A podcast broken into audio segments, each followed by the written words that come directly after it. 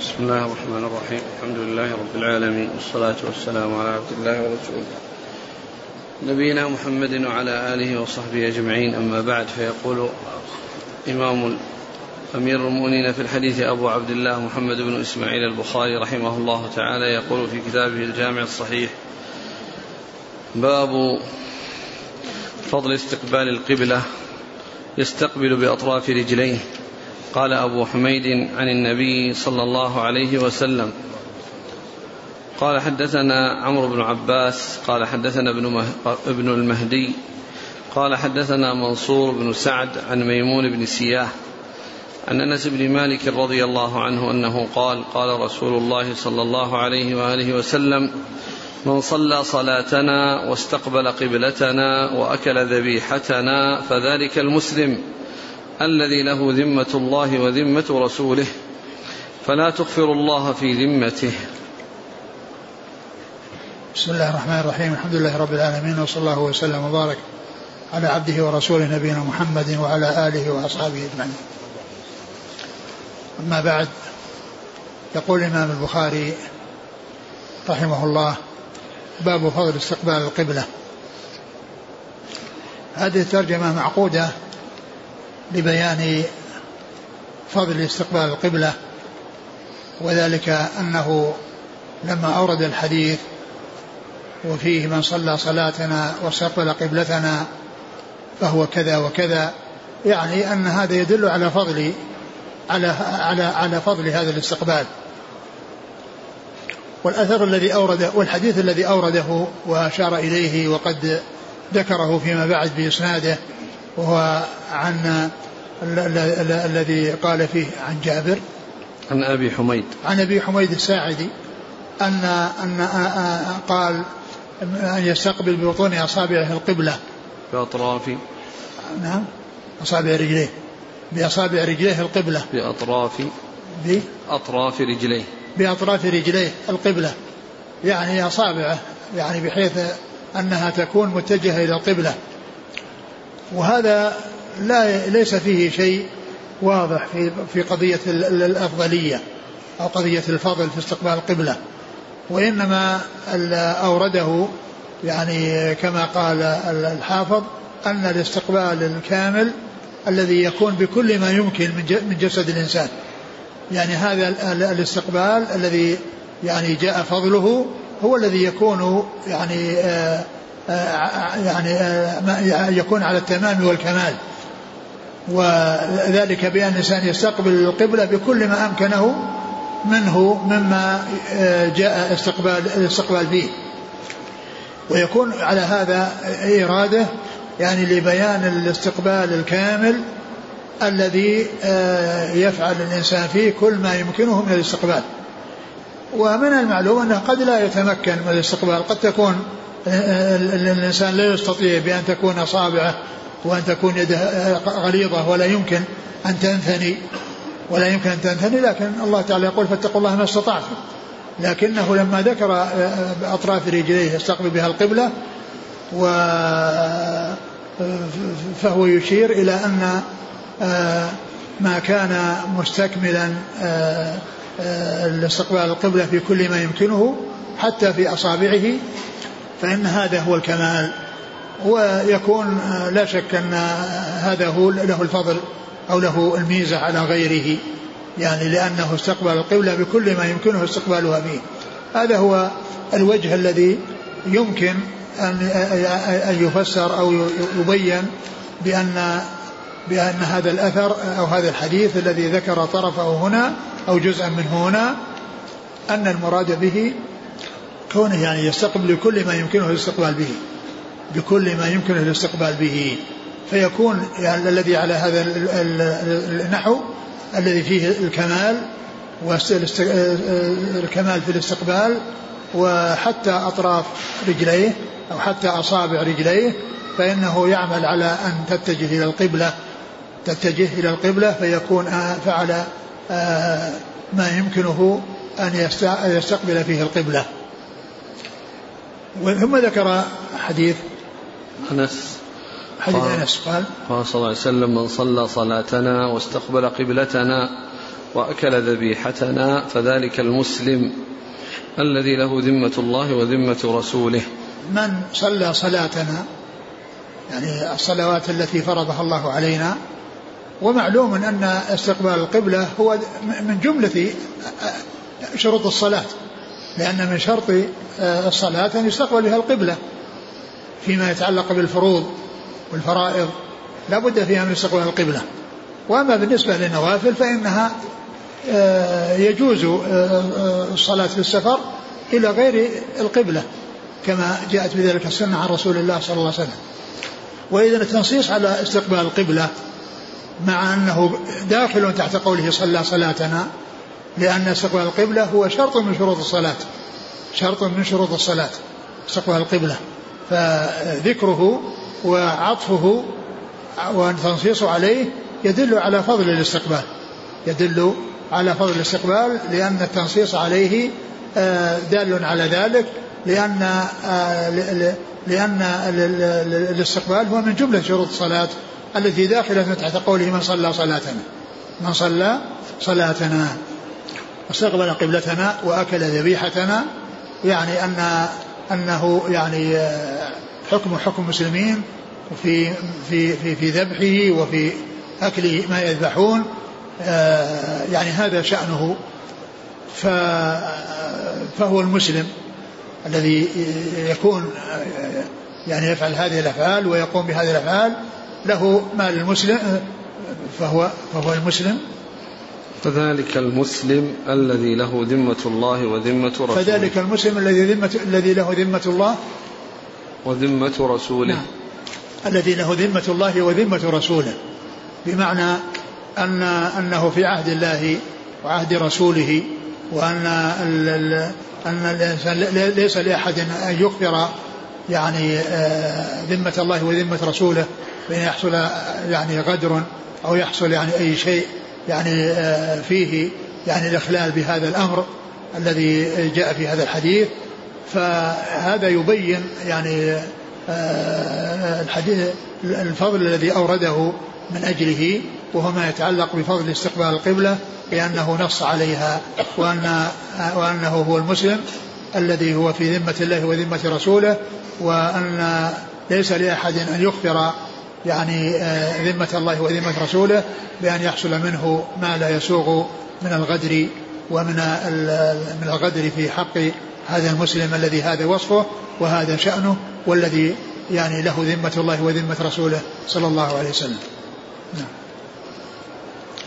فلا تخفر الله في ذمته فلا تخفر الله في ذمته يعني في كونه يحصل غدر يعني في في في, في إنسان يعني هذا الإنسان الذي حصل يعني يعني هو هذا الوصف وهذه الميزة التي آه، نص عليها وهي أن له ذمة الله وذمة نبيه فلا يغفر الله في ذمته بمعنى أنه لا يحصل آه، آه، غدر أو إساءة إلى هذا الإنسان. شوف قال في شرحه. فلا تغفر الله في ذمته أي ولا رسوله. وحذف لدلالة السياق عليه أو لاستلزام المذكور المحذوف. وقد أخذ بمفهومه من ذهب إلى قتل تارك الصلاة. وله موضع غير هذا وفي الحديث تعظيم شأن القبلة وذكر الاستقبال بعد الصلاة للتنويه به. وإلا فهو داخل في الصلاة لكونه من شروطها. وفيه أن أمور الناس محمولة على الظاهر. فمن أظهر شعار الدين أجريت عليه أحكام أهله ما لم يظهر منه خلاف ذلك. انتهى؟ انتهى؟ هذا قبلها فلا تكفروا. أي لا تغدروا بين فلا تخفروا بالضم من الرباع إلى تغدروا.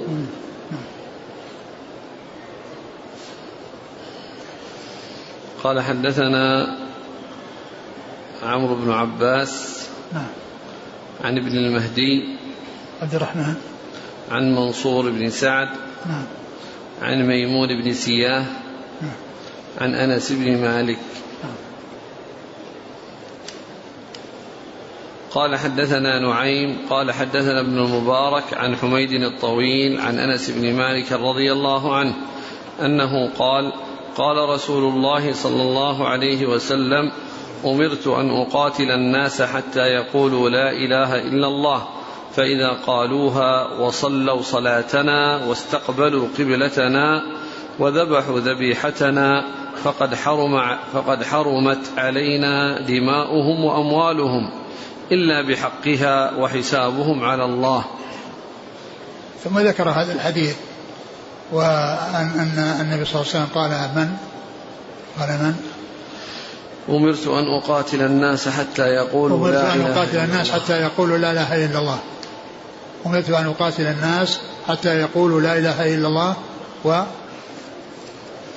فإذا قالوها نعم. وصلوا صلاتنا واستقبلوا قبلتنا وذبحوا ذبيحتنا فإذا قالوها يعني أتوا بهذا الأساس الذي فيه الدخول بالإسلام وهو شهادة لا إله إلا الله وشهادة أن محمد رسول الله لأنها أحيانا تذكر شهادة لا إله إلا الله ولا يذكر معها شهادة أن محمد رسول الله لأنها ملازمة لها للتلازم بين الشهادتين. فيكتفى يعني أحيانا بذكر إحدى الشهادتين عن ذكر الثانية لأنها ملازمة لها. ولا بد من شهادة لا إله إلا الله وشهادة أن محمد رسول الله. وكما جاء في آه، بعض الأحاديث التنصيص على ذلك. فإذا أحيانا تذكر الشهادة للنبي صلى الله عليه وسلم بالرسالة مع الشهادة لله بالألوهية وأحيانا يكتفى بالأولى عن الثانية لأنها ملازمة لها ولا تنفك عنها لأن لأن لأنه لا بد من شهادة لا إله إلا الله وشهادة أن محمد رسول الله. لا بد من الإخلاص لله ولا بد من المتابعة للرسول صلى الله عليه وسلم لأن عبادة الله عز وجل إنما تكون باتباع النبي صلى الله عليه وسلم. فلا بد من الأمرين. وعلى هذا فما جاء في بعض الروايات من ذكر الشهادة لله بالألوهية وذكر آه، آه، كلمة الإخلاص أن أن أن الشهادة الثانية أنها معها وملازمة لها. وأمرت أن أقاتل الناس حتى يقول لا إله فمن قالها ف أمرت أن أقاتل الناس حتى يقولوا لا إله إلا الله. فإذا قالوها وصلوا صلاتنا واستقبلوا فإذا قبلتنا. قالوها وصلوا صلاتنا واستقبلوا قبلتنا. محل الشاهد قوله واستقبلوا قبلتنا وهذا مثل الذي قبله. نص على الاستقبال مع الصلاة مع أنه من شروطها وذلك لأهميته ولبيان عظيم شأنه. وإلا فلو لم يذكر آه، الاستقبال فإنه داخل تحت الصلاة لأنه شرط من شروطها. لأنه شرط من شروط الصلاة أن تستقبل القبلة. ومعلوم أن هذا في الفريضة وأما بالنسبة للنافلة فإن فإنه يجوز أن تصلى في السفر والإنسان راكب أينما توجهت به أينما توجه به مركوبا فإذا صلوا صلاتنا واستقبلوا قبلتنا وذبحوا و وذبحوا ذبيحتنا. وذبحوا ذبيحتنا. فقد حرمت علينا دماؤهم وأموالهم إلا بحقها. نعم إلا بحقها يعني إلا بحق الإسلام. نعم. وحسابهم على الله. يعني أن الناس لهم الظاهر وحسابهم على الله هو الذي يعلم البواطن وهو الذي يجازي كلا بما يستحقه والناس لا يع- لا علم لهم إلا بالظواهر، الباطن لا يطلع عليها إلا الله عز وجل. الب- البواطن لا يطلع عليها إلا هو سبحانه وتعالى، وأما الظواهر فهذا هو الذي آه، آه، يتمكن منه آه، الناس بأن يحملوا الناس على ظواهرهم وما لم يبدو شيء خلاف الظاهر فتكون المؤاخذة بما يبدو وبما يظهر وأما بالنسبة لله عز وجل فهو الذي يعلم كل شيء ولا تخفى عليه خافية ويجازي كلا بما يستحقه وهو العالم بالظواهر والبواطن عالم الغيب والشهادة سبحانه وتعالى نعم. قال حدثنا نعيم نعيم بن حماد. عن ابن المبارك. عبد الله. عن حميد الطويل. عن أنس بن مالك. نعم. قال ابن أبي مريم أخبرنا يحيى قال حدثنا حميد قال حدثنا أنس عن النبي صلى الله عليه وسلم. ثم ذكر هذه الطريقة الثانية التي فيها تصريح حميد بالسماع من أنس. الطريقة الأولى بالعنعنة والطريقة الثانية فيها تصريح بالتحديث فلهذا أورد هذه الطريقة الثانية من أجل بيان أن أن الطريقة الأولى التي فيها العنعنة جاء التصريح بالسماع بين حميد بن أبي حميد الطويل ومن أنس بن مالك رضي الله عنه والطريقة الثانية. نعم. قال ابن أبي مريم نعم. عن يحيى يحيى القطان. لا. نعم. يحيى بن أيوب الغافقي المصري. نعم. بن أبي مريم سعيد بن الحكم. نعم. عن حميد عن أنس. نعم. وقال علي بن عبد الله حدثنا خالد بن الحارث. قال حدثنا حميد قال سأل ميمون بن سياه أنس بن مالك رضي الله عنه. قال يا أبا حمزة ما يحرم دم العبد وماله؟ فقال من شهد أن لا إله إلا الله واستقبل قبلتنا وصلى صلاتنا وأكل ذبيحتنا فهو المسلم. له ما للمسلم وعليه ما على المسلم. نعم. وقال علي بن عبد الله المديني بالمديني. عن خالد بن الحارث. نعم. الهجيمي الأعور. نعم. عن حميد. بن بن أبي حميد نعم. عن ميمون بن سياح عن أنس. نعم. يعني مرة يروي مرة يعني بواسطة ومرة بغير واسطة.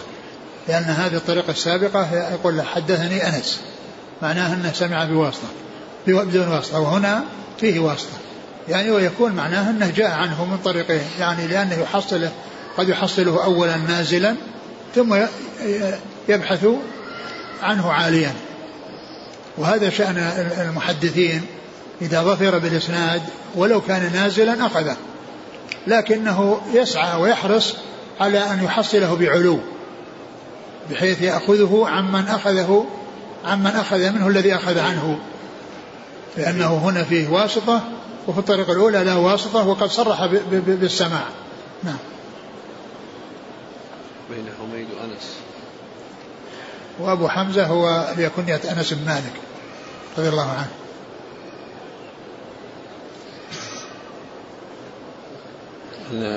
كلام حميد يقول قال سأل ميمون بن سياه أنس بن مالك. نعم. كأنه يعني يقول إيش؟ حدثنا حميد حميد. قال؟ سأل ميمون بن سياه نعم. أنس بن مالك. نعم لا هذا مثل الذي قبله يعني يعني آآ آآ كأنه يعني شهد هذا. يعني فيصير مثلا حميد يرويه عن أنس بن مالك ولكن ال ال الذي رواه جوابا عن سؤال. جوابا عن سؤال. فتكون هذه الطريقة مثل الطريقة السابقة. مثل الطريقة السابقة. بمعنى أن الطريقة السابقة يعني سمعه من أنس وهنا يقول سأل منصور يعني أنس وسمع منه. فإذا هذا ليس فيه علو ونزول وإنما فيه مثل الطريقة السابقة إلا أن هذه تبين أن أن أن, أن السائل هو هذا الرجل وأن يعني حميد أنه سمع فيكون مثل الطريقة السابقة. يقول الحافظ في الفتح ميمون بن السياه ما له في البخاري سوى حديثه عن أنس. من صلى صلاتنا الحديث بمتابعة حميد الطويل. ألا يفيد أنه يروي نعم يقول الحافظ في مقدمته ما له في البخاري سوى حديثه عن أنس. لميمون بن سياه هو الإسناد الأول وش؟ الأول. أي بس بدون نعم صحيح ها؟ بدون حميد هناك هذا نعم. منصور بن سعد عن ميمون بن سياه عن أنس بن مالك نعم. وتابعه هنا حميد نعم. عن أنس نعم. قال رحمه الله تعالى باب قبلة أهل المدينة وأهل الشام والمشرق ليس في المشرق ولا في المغرب قبلة لقول النبي صلى الله عليه وسلم لا تستقبلوا القبلة بغائط أو بول ولكن شرقوا أو غربوا. ثم ذكر بعد ذلك باب قبلة أهل المدينة نعم. وأهل الشام. والمشرق. والمشرق. ليس في المشرق ولا في المغرب قبلة. نعم. لقول النبي صلى الله عليه وسلم لا تستقبلوا قبلة بغائط أو بول ولكن شرقوا أو يعني أن أهل المدينة والشام الذي جهة جهة المدينة يستقبلون القبلة ويعني ويكون ذلك بين الشمال والجنوب كما بين الشمال بين الشرق والغرب كما جاء بين المشرق والمغرب قبلة يعني في حق المدينة ومن كان مثل أهل المدينة. ومن كذلك من يقابلهم من جهة من جهة جهة اليمن يعني جنوب الكعبة. فإن حكمهم حكم الذين هم عن شمال الكعبة لأنهم عندما يقضون الحاجة يشرقون ويغربون لا يستقبلون القبلة سواء كانوا من جهة الشمال أو من جهة الجنوب. فالاستقبال آه، للجميع يعني بالنسبة للمدينة والشام يعني يصلون إلى جهة الجنوب بين المشرق والمغرب وكذلك الذين هم من جهة الجنوب يصلون إلى جهة الشمال بين المشرق والمغرب بين المشرق والمغرب. يقول قبلة أهل المدينة. وأهل الشام والمشرق. نعم. والمشرق يعني المشرق يعني قبلتهم يعني آه تختلف عن قبلة أهل الشمال. لأن المشرق يستقبلون جهة الغرب. يستقبلون جهة جهة الغرب. يعني والمقصود أن المشرق يعني يستقبلون غير هذه القبلة غير هذه الجهة التي يستقبلها أهل الشام. لأن أهل المشرق تكون القبلة عنهم من جهة الغرب وأهل المغرب القبلة عنهم من جهة الشرق. وقوله يعني ليس للمشرق والمغرب قبلة يعني بالنسبة لأهل المدينة لا يستقبلون الشرق ولا الغرب. وأما كون لهم قبلة يعني إذا كانوا شرق يتجهون للغرب وإذا كانوا غرب يتجهون لل هذا هو الأصل. أن كل يستقبل القبلة من أي جهة كانت فيكون فيكون أهل الشمال أهل أهل الشرق وأهل الغرب يجنبون ويشملون إذا أرادوا يقضوا الحاجة. وقوله شرقوا وغربوا هذا خاص بأهل المدينة ومن على جهة من جهة الشمال ومن كان أيضا آه، آه، من جهة الجنوب فإنهم آه، يعني يشرقون ويغربون وأما من كان من جهة الغرب ومن كان من جهة الشرق فإنه يذهب إلى جهة الشمال وإلى جهة الجنوب عندما يقضي حاجته. عندما يقضي حاجته بذلك لا يستقبل القبلة. فإذا قوله وليس المشرق والمغرب قبلة يعني من ناحية أنها المدينة يعني ليس لهم يعني آه، قبلة آه، من جهة الشرق أو من جهة الغرب. وإنما قبلتهم إنما هي الجنوب بين بين المشرق والمغرب قبلة كما قال ذلك رسول الله صلى الله عليه وسلم بين المشرق والمغرب قبلة إيش قال؟ باب قبلة أهل المشرق أهل نعم. المدينة وأهل الشام نعم. والمشرق نعم. ليس في المشرق ولا في المغرب قبلة نعم يعني بالنسبة لأهل المدينة ومن كان على سمت المدينة لا هذه ليس قبلة لأهل المدينة ومن كان على سمتهم لا يستقبلون الشرق والغرب وإنما يستقبلون الجنوب. وكذلك الذين من جهة الجنوب يستقبلون الشمال ولا يستقبلون الشرق ولا الغرب. وإنما يستقبل الشرق والغرب هم الذين آه، من جهة الشرق ومن جهة جهة الغرب. فأهل الغرب يستقبلون الشرق وأهل الشرق يستقبلون إلى جهة الغرب. نعم. لقول النبي صلى الله عليه وسلم لا تستقبلوا القبلة بغائط أو بول ولكن شرقوا أو غربوا. نعم. وقوله صلى الله عليه وسلم لا تستقبلوا القبلة ببول أو غائط ولكن شرقوا أو غربوا. يعني أنهم لا يتجهون آه، في المدينة إلى جهة الجنوب ولا يتجهون إلى جهة الشمال لأن اتجاههم إلى جهة الجنوب يستقبلون القبلة وإذا اتجهوا إلى جهة الشمال يستدبرون القبلة. والرسول نهى صلى الله عليه وسلم نهى عن استقبال القبلة واستدبارها عند قضاء الحاجة وأرشد إلى الاتجاهين آه، آه، اللذين لا يكون فيهما استقبال القبلة ولا استدبارها حيث قال ولكن شرقوا أو غربوا. نعم.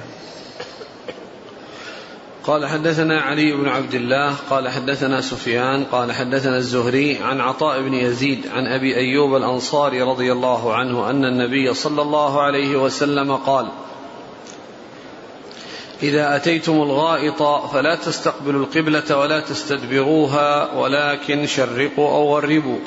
قال أبو أيوب فقدمنا الشام فوجدنا مراحيض بنيت قبل القبلة فننحرف ونستغفر الله تعالى. ثم ذكر حديث أبي, أبي أيوب الأنصاري رضي الله عنه أن النبي صلى الله عليه وسلم قال لا أستقبل القبلة ببول ولا غائط ولا استدبروها ولكن شرقوا أو غربوا ولكن شرقوا أو غربوا.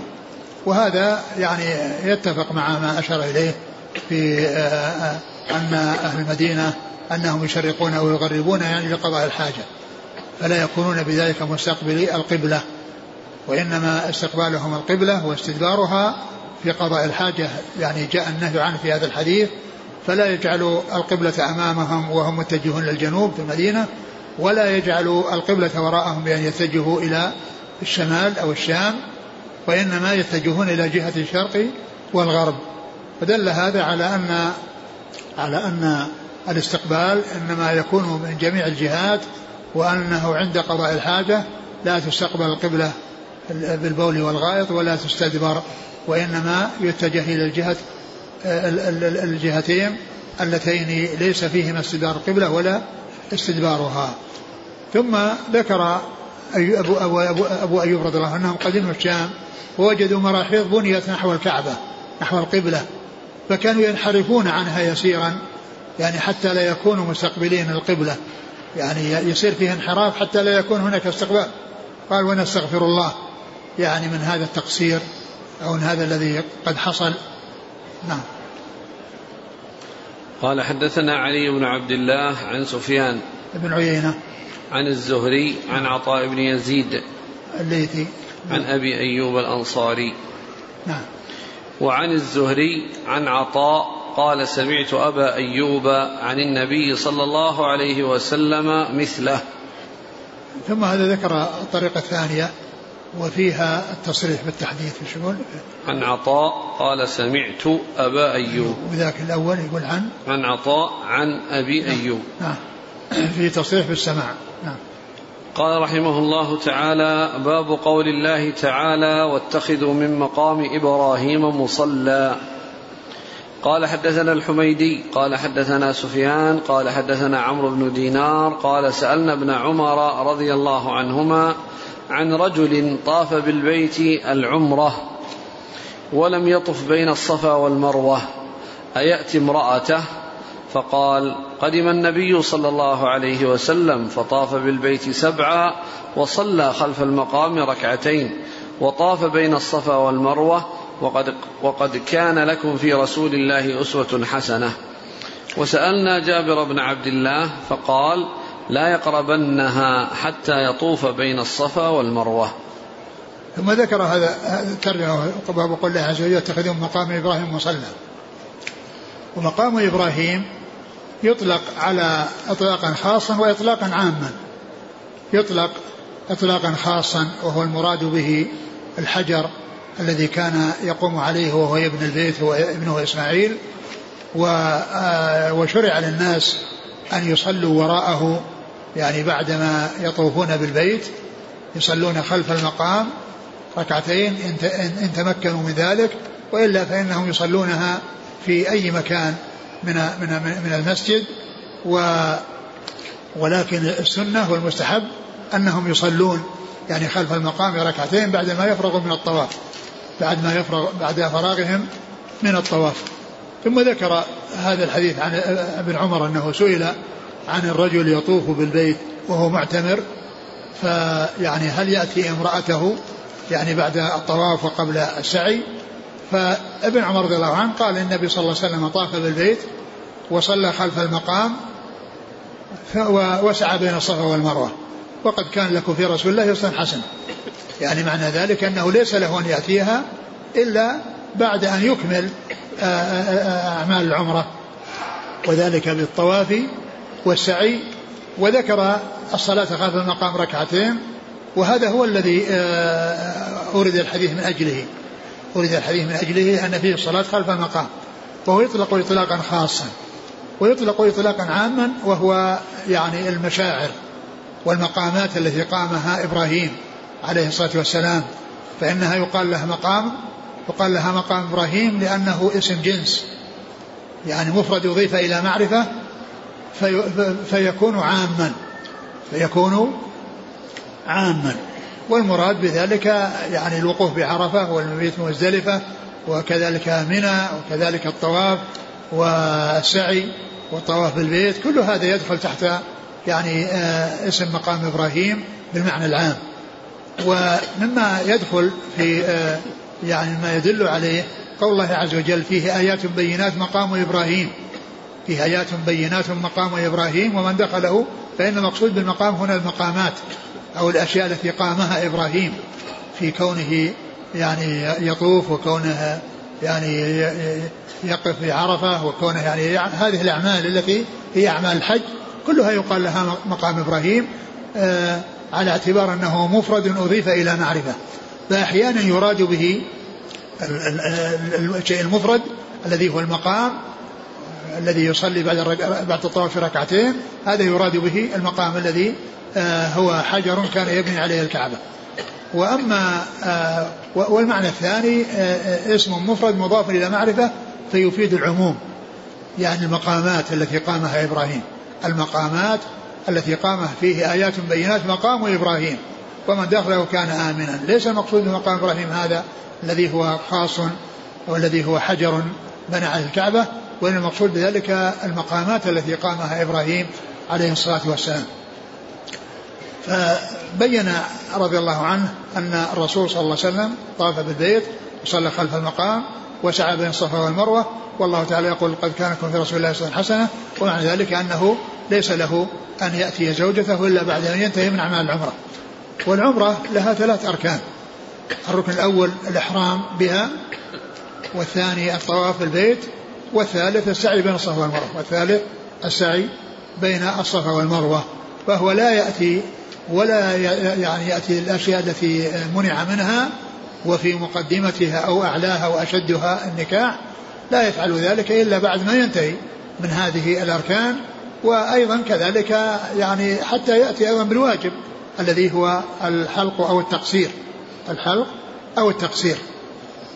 و ولو أنه آه، حصل منه مجامعة قبل أن يسعى فإنه يكون بذلك فسدت عمرته لأن لأن الإنسان إذا إذا إذا حصل منه المجامعة قبل أن ينتهي من السعي أو قبل أن يأتي بالسعي يعني معناه يكون أفسد العمرة وعليه أن يكملها فاسدة ويأتي بعمرة أخرى مكانها من المكان الذي أحرم منه. نعم. أما إذا كان بعد السعي قبل الحلق؟ إذا كان بعد السعي قبل الحلق. إذا كان بعد السعي قبل الحلق يعني آه، آه، يكون عليه عليه كفارة. يعني لأنه ارتكب يعني آه، محظورا قبل أن يعني يأتي يعني عليه أنه يذبح شاة عليه أن يذبح شاة لأنه فعل ذلك قبل التحلل.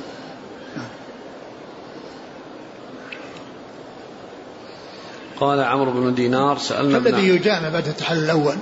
الذي يجامع بعد التحلل الأول عليه شاة يذبح شاة وكذلك الذي يعني يجامع قبل أن يحلق عليه شاة. ولكن إذا جامع قبل الطواف أو قبل السعي فإن العمرة تفسد وعليه إتمامها فاسدة ويأتي بعمرة أخرى مكانها من الميقات الذي أحرم منه. نعم.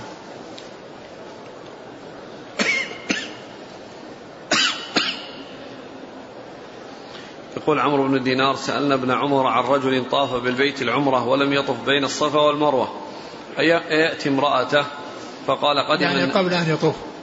قبل أن يطوف بين الصفا والمروة. أيأتي امرأته؟ نعم. قال؟ فقال قدم النبي صلى الله عليه وسلم فطاف بالبيت سبعا وصلى خلف المقام ركعتين وطاف بين الصفا والمروة وقد كان لكم في رسول الله أسوة حسنة. وهذا الجواب بالدليل. لأن لأنه رضي الله عنه لما سئل أتى بالدليل على ذلك وأن الرسول صلى الله عليه وسلم طاف وصلى خلف المقام ركعتين وسعى بين الصفا والمروة وقد كان لكم في رسول الله حسنة. يعني ليس لأحد أن يفعل شيئا قبل أن يأتي بهذه الأفعال التي فعلها رسول الله صلى الله عليه وسلم. وسألنا جابر بن عبد الله فقال لا يقربنها حتى يطوف بين الصفا والمروة. نعم وهذا أيضا في تصريح وتوضيح. لا يقربنها حتى يطوف بين الصفا والمروة.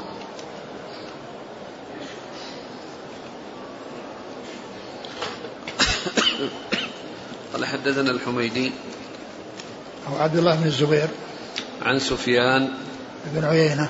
عن عمرو بن دينار نعم. عن ابن عمر نعم.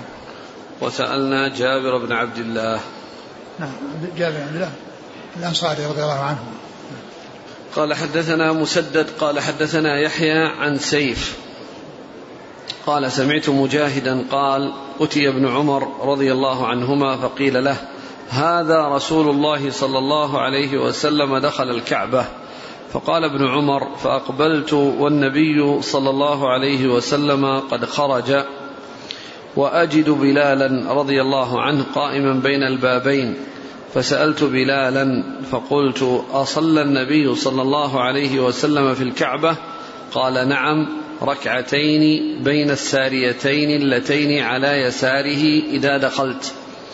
ثم خرج فصلى في وجه الكعبة ركعتين. ثم ذكر يعني هذا الحديث عن ابن عمر رضي الله تعالى عنهما وهو أن النبي صلى الله عليه وسلم لما دخل الكعبة وخرج منها لقي آه، بلالا بالباب وسأله هل صلى الرسول صلى الله عليه وسلم يعني في الكعبة؟ فقال نعم ركعتين بين بين العمودين. اللتين يعني في آه، مقابل الإنسان إذا دخل. وقد سبق الحديث بلفظ آخر بين العمودين اليمانيين وأن وقال كان فلما فتحوا الباب كنت أول من ولج فلقيت بلالا وسألته فسألته فقال نعم صلى بين العمودين. ثم قال إنه خرج وصلى في وجه الكعبة وصلى في وجه الكعبة يعني إنه استقبلها إنه استقبلها بعدما خرج صلى يعني في وجهها يعني في الجهة التي هي مقابلة للباب في الجهة التي خرج منها فإنه آه، صلى يعني آه، آه، صلى في تلك الجهة. وتلك الجهة هي التي فيها المقام. تلك الجهة هي التي فيها المقام. والمقصود من ذلك أن أن إرادة الحديث من قوله فاستقبل يعني القبلة وأنه صلى يعني في وجه الكعبة يعني بعدما خرج. هذا هو هذا هو المطابق للترجمة الذي الذي يقول واتخذ مقام إبراهيم مصلى نعم. نعم.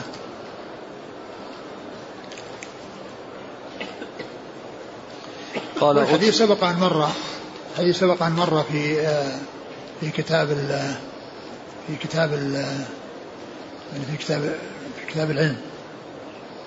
نعم. في كتاب العلم. الظاهر ليس بهذا يعني الإسناد لأنه ليس بهذا الأطراف. آه.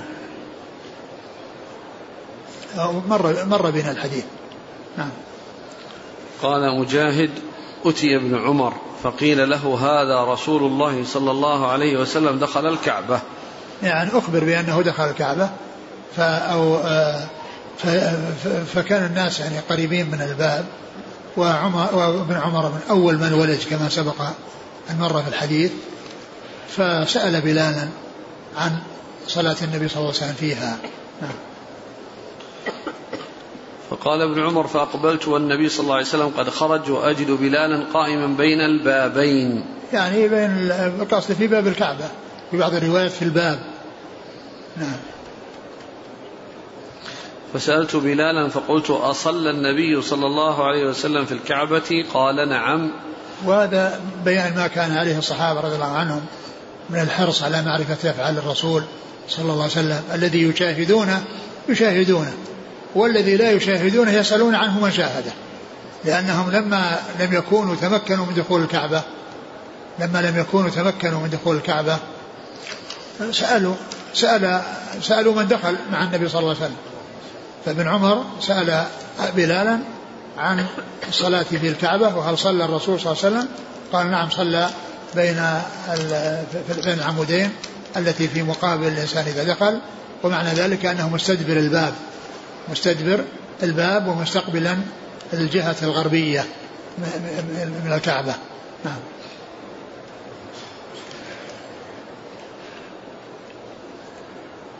الحديث سبق مر بنا.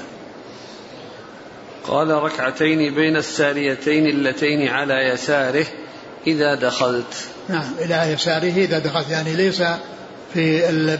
يعني ليس بالعمودين اللي من جهة الشمال وإنما العمودين اللي من جهة اليمن.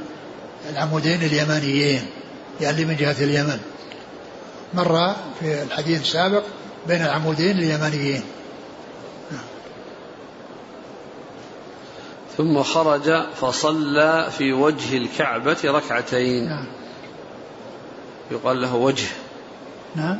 وجه الكعبة. نعم وجه يعني آه، الذي هو مقابل الباب. يعني مقابل الباب يعني هو المقصود بالوجه. نعم. هناك إذا المقابل ظهر الكعبة. ها؟ مقابلها من الناحية الثانية نعم ظهر نعم الكعبة. نعم. قال حدثنا مسدد عن يحيى يحيى القطان. عن سيف. نعم سيف بن سليمان المكي. نعم. عن مجاهد. بن جبر. عن ابن عمر. نعم. قال حدثنا إسحاق بن نصر. قال حدثنا عبد الرزاق. قال أخبرنا ابن جريج عن عطاء. قال سمعت ابن عباس رضي الله عنهما قال لما دخل النبي صلى الله عليه وسلم البيت دعا في نواحيه دعا في نواحيه كلها ولم يصلي حتى خرج منه. فلما خرج ركع ركعتين في قبل الكعبة وقال هذه القبلة. ثم ذكر حديث ابن عباس أن النبي صلى الله عليه وسلم لما دخل البيت صلى دعا في نواحيه ولم يصلي. دعا في نواحيه ولم يصلي. و وخرج وصلى ركعتين في قبل الكعبة يعني في وجه مثل الرواية السابقة في وجهها يعني آه، في الجهة المقابلة لبابها الذي خرج منه. فقبل الكعبة وجه الكعبة معناهما واحد يعني أنه يعني آه، آه، استقبل القبلة ومن الجهة التي خرج منها وذلك من جهة المقام الذي الذي في مقابل يعني اللي عنها جهة الشرق فصلى ركعتين. وهذا فيه نفي ابن عباس الصلاة أنه لم يصلي في الكعبة ولكن يعني بلالا الذي المعروف الذي دخلوا هم, هم هؤلاء الثلاثة. يعني بلال و و و وهذا الذي هو عثمان بن طلحة وأسامة بن زيد هؤلاء الثلاثة هم اللي دخلوا كما سبق أن مر في الحديث. قالوا دخلوا هؤلاء الثلاثة وأغلقوا عليهم الباب فيكون ابن عباس يعني من أخذه عن غيره ولكن المثبت مقدم على النافي لأن من أثبت الصلاة من أثبت الصلاة مقدم على من نفاها. وبلال قد أثبتها وحدد مقدارها وأنها ركعتين وبين أيضا مكانها وأن بين العمودين فهذا يدل على ضبطه وإتقانه لأنه ضبط المكان وأنه بين العمودين والعدد وأنه ركعتين والجهة وأنها يعني في المقابلة لجهة الباب. فإذا المثبت مقدم على النافي لأن مع المثبت زيادة علم ليست مع من نفى. نعم. قال لما دخل النبي صلى الله عليه وسلم البيت دعا في نواحيه كلها. يعني معناه أنه يعني مشى فيه مشى فيه وكان يدعو في نواحيه.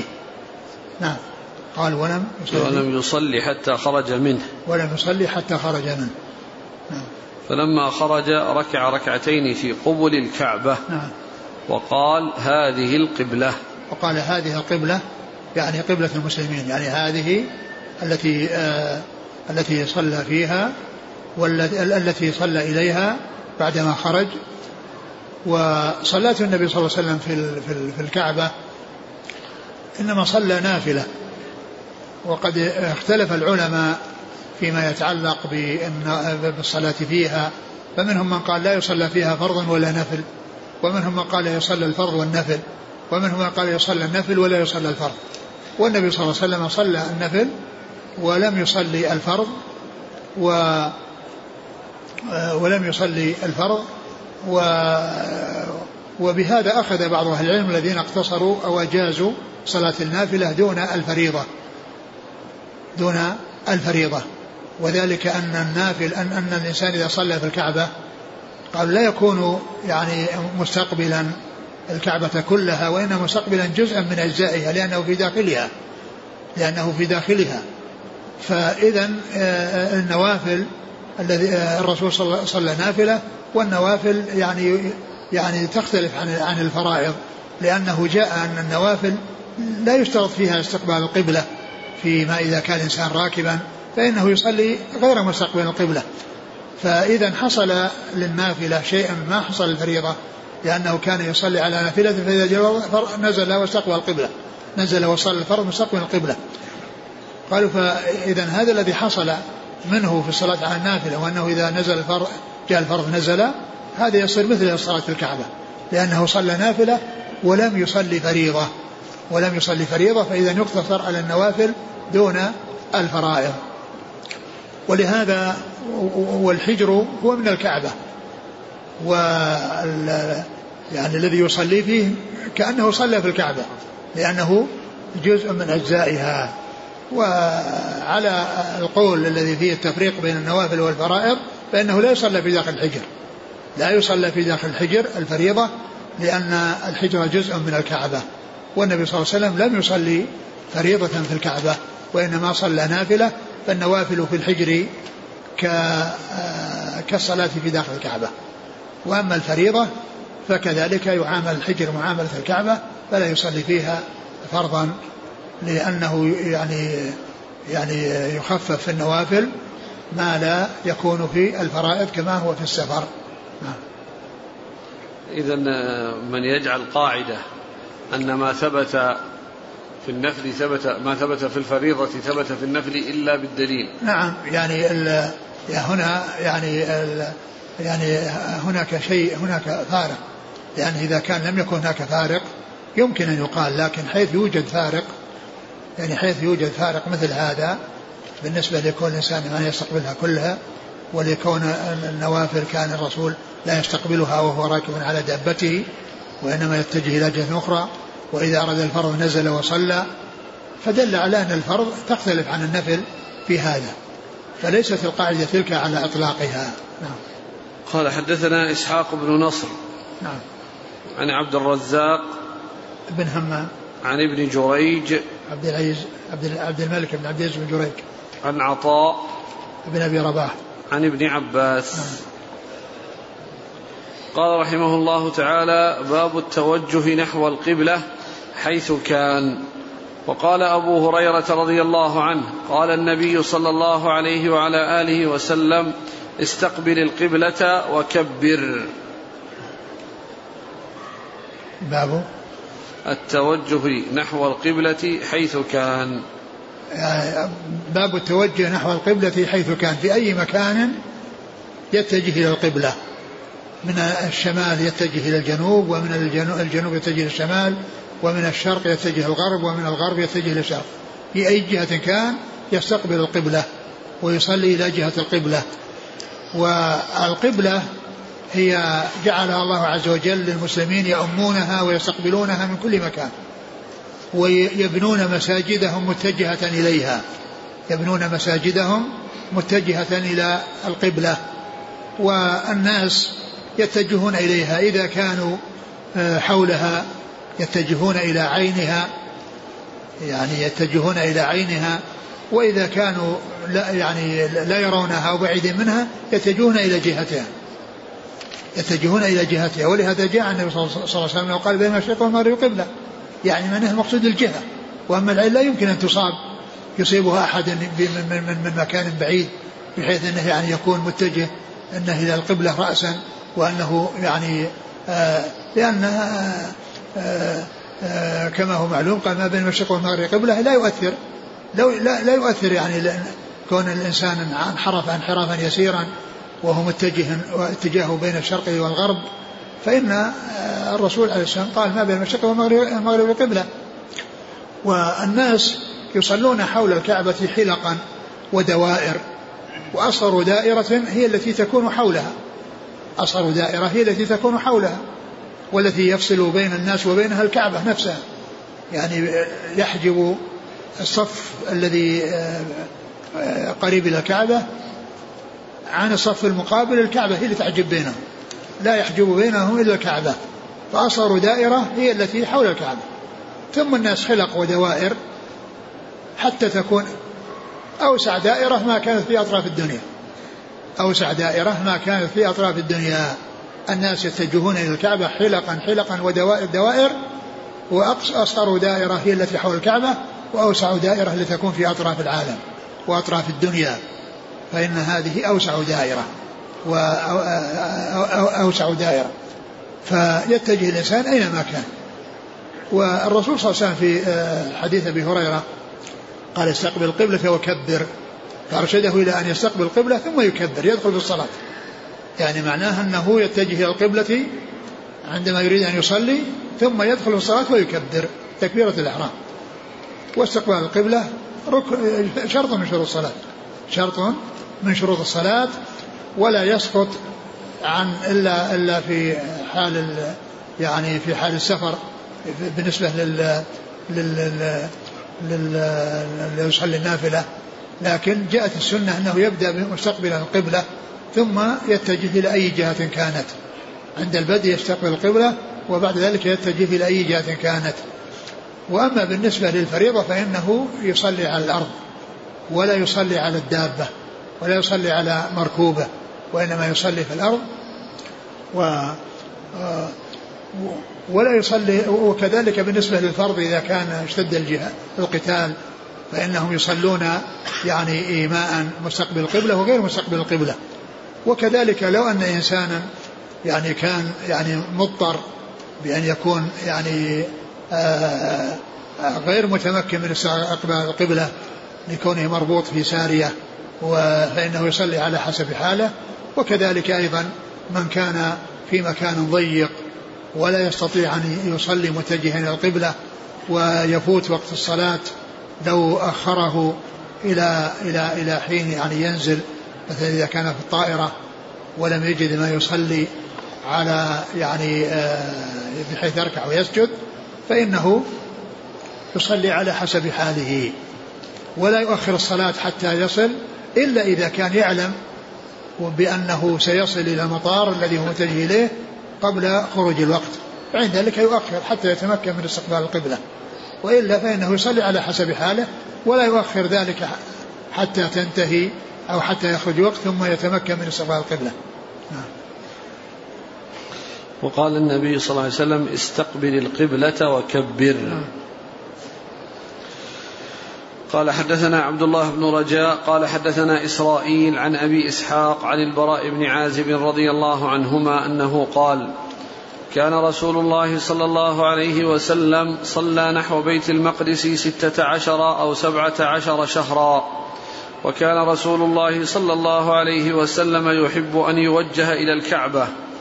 فأنزل الله قد نرى تقلب وجهك في السماء فلنول فت قد نرى تقلب وجهك في السماء فتوجه نحو الكعبة.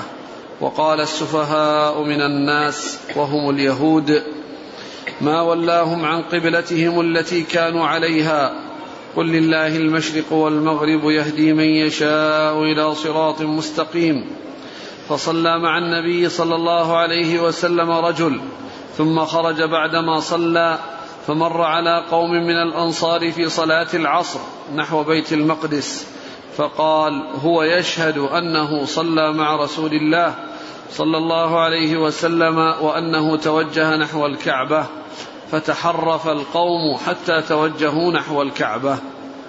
ثم ذكر هذا الحديث عن البراء بن عازب رضي الله عنهما أن النبي صلى الله عليه وسلم صلى بعد الهجرة ستة عشر شهرا. وهو يستقبل بيت المقدس ثم بعد وكان يعني يعني يؤمل ويتحرى أن يوجه إلى القبلة أن يوجه إلى الكعبة.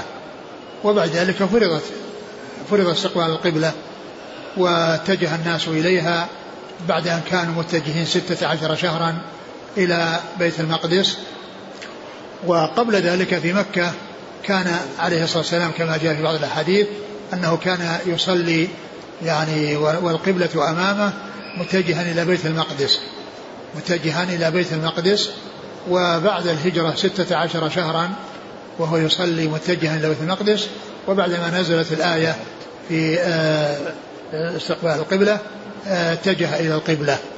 وقد جاء في هذا الحديث عن البراء بن عازب أنه لما صلى النبي صلى الله عليه وسلم بالناس إلى جهة الكعبة بعدما نسخ استقبال بيت المقدس صلى صلى معه رجل فذهب إلى جماعة وهم في صلاة آه، آه، آه، يعني صلى مع النبي مع النبي صلى الله عليه وسلم العصر صلى مع النبي صلى الله عليه وسلم العصر ثم خرج وجد ناس يصلون إلى جهة إلى جهة بيت المقدس فقال أشهد أن الرسول صلى الله عليه وسلم صلى إلى جهة القبلة فانحرفوا وتحولوا من في صلاتهم وأكملوها إلى جهة إلى جهة الكعبة فصار ابتداؤها, ابتداؤها إلى جهة بيت المقدس ونهايتها إلى جهة إلى جهة الكعبة.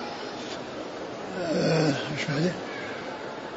بس نعم هذا اللي وهذا يعني آه يعني في في في مسجد يعني من مساجد المدينة في داخل المدينة وأما فيما يتعلق بقبها فقد جاء في حديث آخر صحيح أنه في صلاة الفجر أنه جاءهم في صلاة الفجر فأخبرهم وتحولوا في صلاتهم فمن جهة بيت المقدس إلى جهة إلى جهة الكعبة. نعم. قال حدثنا عبد الله بن رجاء نعم.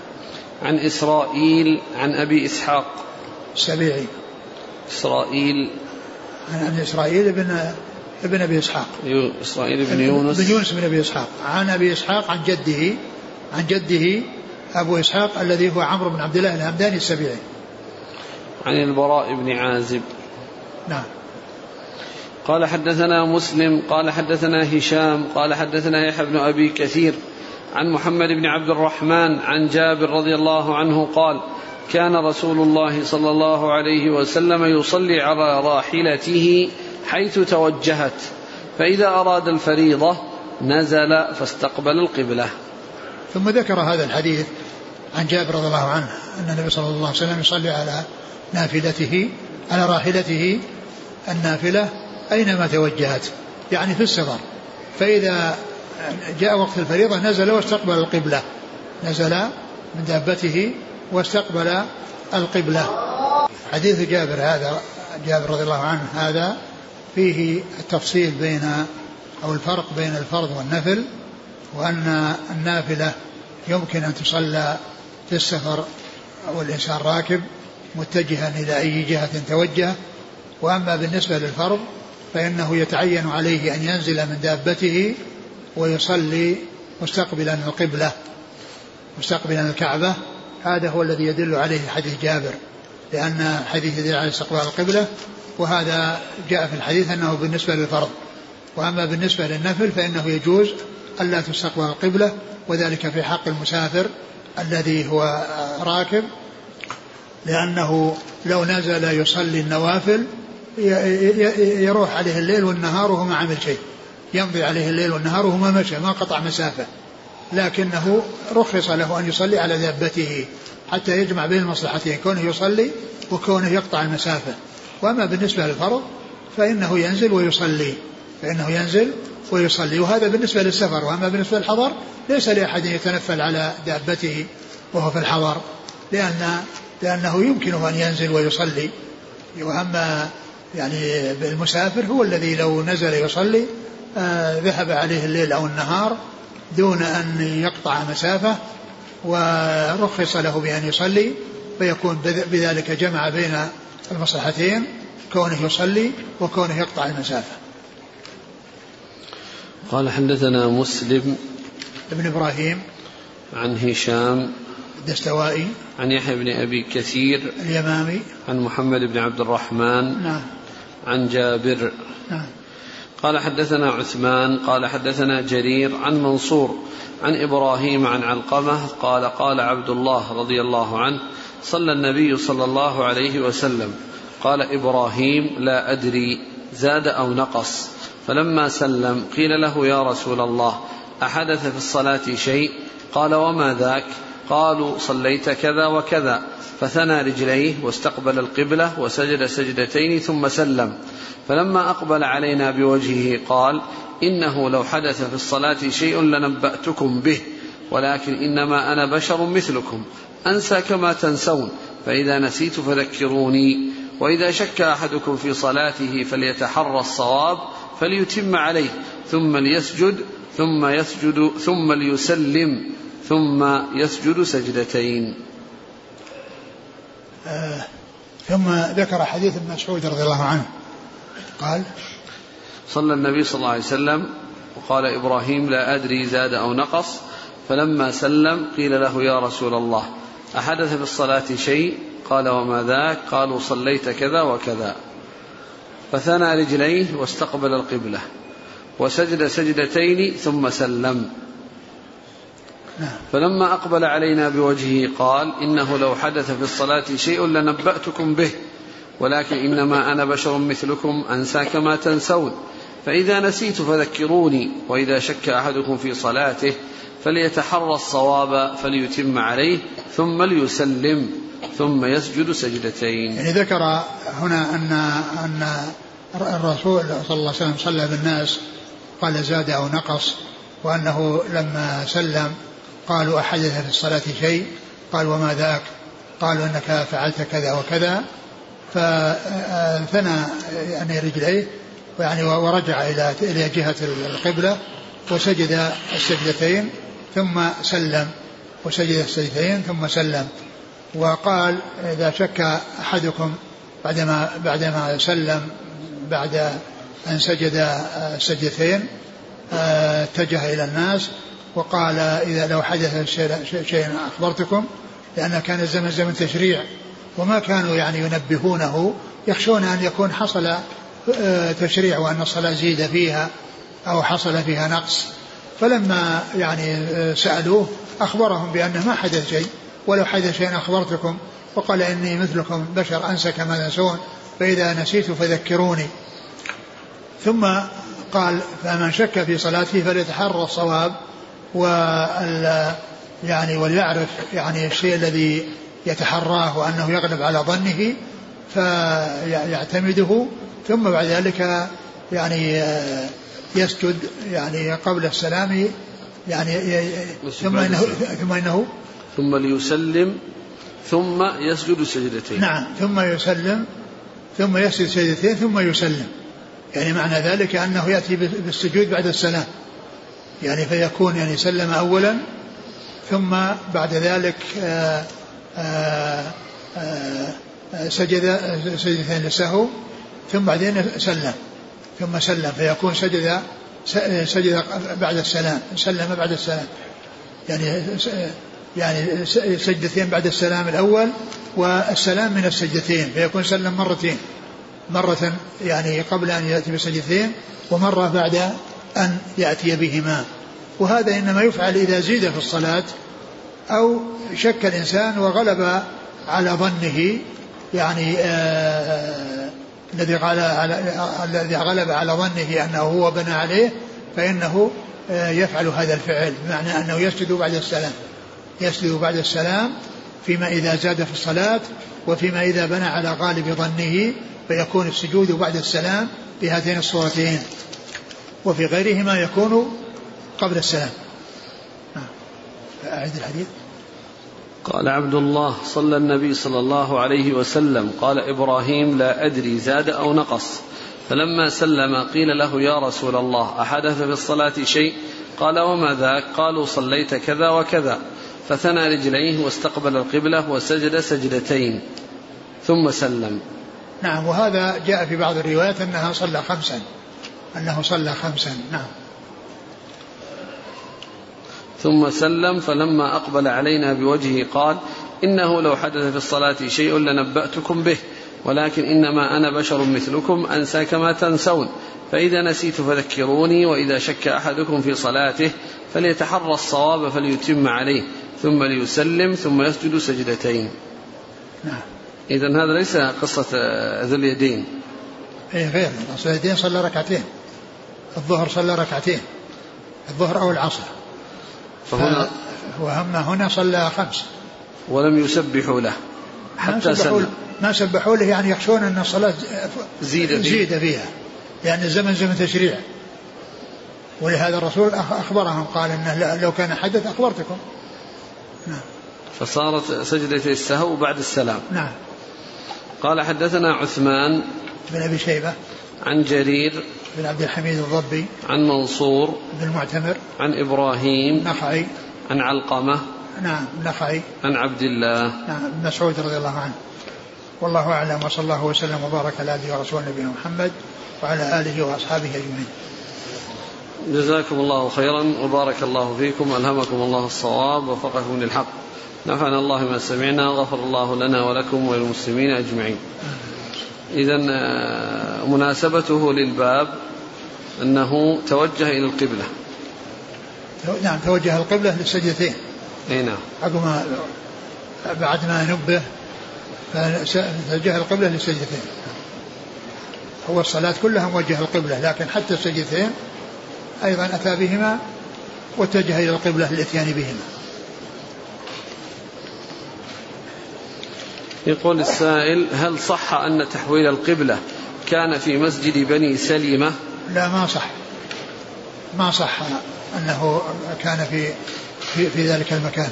هل استغفار أبي أيوب الأنصاري وانحرافه يدل على أنه يرى عدم جواز استقبال القبلة عند قضاء الحاجة نعم في البنيان؟ هو هذا اللي يظهر. هل إذا كنت في الحرم المكي فالصلاة مقابل باب الكعبة له أفضلية زائدة على غيره. والله الإنسان يصلي يصلي من أي جهة كانت يعني الرسول صلى الله عليه وسلم والإمام كان يصلي في تلك الجهة. الإمام يصلي في تلك الجهة ويصلي عند يصلي عند عند, عند في تلك ما يصلي في في شمالها ولا جنوبها. لا يصلي شمالها ولا غربها. وإنما يصلي جنوبها. يعني آه، مثل ما هو موجود الآن في مكان متأخر. وإذا صلى يصلي إلى جهة المقام إذا كان تحت الكعبة. فكون الإنسان يختار ذلك المكان ويقال أنه يصلي فيه أفضل الله أعلم. ما ندري. هل يجوز التبرك بمقام إبراهيم؟ لا يتبرك.